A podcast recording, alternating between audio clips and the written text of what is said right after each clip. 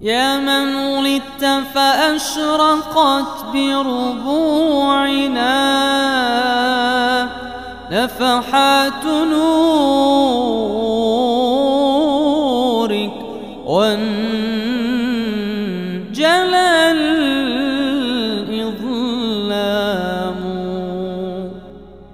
برنامج عطر السيرة النبوية من إعداد وتقديم محمود حمشو.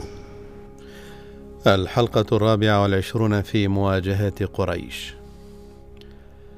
جاء أن جبريل عليه السلام تبدى لرسول الله صلى الله عليه وسلم في أحسن صورة وأطيب رائحة وقال يا محمد إن الله يقرئك السلام ويقول لك أنت رسول الله إلى الجن والإنس فادعهم إلى قول لا إله إلا الله فدعاهم صلى الله عليه وسلم ثم ازداد الأمر بينهم وبينه حتى تباعد الرجال وأضمروا العداوة والحقد وأكثرت قريش ذكر رسول الله صلى الله عليه وسلم بينها وحث بعضهم بعضا على حربه وعداوته ومقاطعته.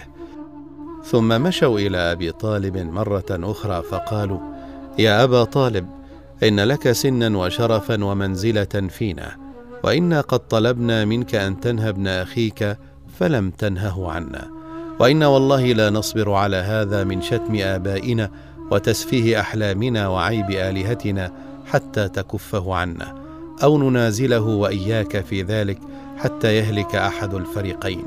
ثم انصرفوا عنه فعظم على أبي طالب فراق قومه وعداوتهم. ولم يطب نفسا بأن يخذل رسول الله صلى الله عليه وسلم. فقال له يا ابن أخي إن قومك قد جاءوني فقالوا لي كذا وكذا فأبق علي وعلى نفسك ولا تحملني من الأمر ما لا أطيق. فظن رسول الله صلى الله عليه وسلم أن عمه خاذله وأنه ضعف عن نصرته والقيام معه. فقال له يا عم والله لو وضعوا الشمس في يميني والقمر في يساري على نترك هذا الأمر حتى يظهره الله تعالى أو أهلك فيه ما تركته. ثم استعبر رسول الله صلى الله عليه وسلم أي حصلت له العبرة التي هي دمع العين فبكى ثم قام. فلما ولى ناداه أبو طالب فقال أقبل يا ابن أخي. فأقبل عليه فقال اذهب يا ابن أخي فقل ما أحببت فوالله لا أسلمك.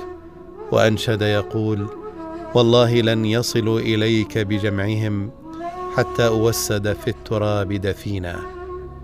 فلما عرفت قريش أن أبا طالب قد أبى خذلان رسول الله صلى الله عليه وسلم مشوا إليه بعمارة ابن الوليد بن المغيرة فقالوا له يا أبا طالب هذا عمارة بن الوليد بن المغيرة أشد وأقوى فتى في قريش فخذه لك ولدا وأسلم إلينا ابن أخيك الذي خالف دينك ودين آبائك وفرق جماعة قومك وسفه أحلامهم فنقتله فإنما هو رجل كرجل.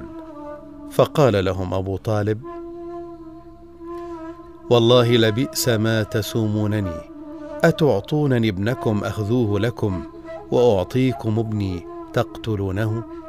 هذا والله لا يكون ابدا. أرأيتم ناقة تحن إلى غير فصيلها؟ فقال المطعم بن عدي والله يا أبا طالب لقد أنصفك قومك وجهدوا على التخلص مما تكره فما أراك تريد أن تقبل منهم شيئا؟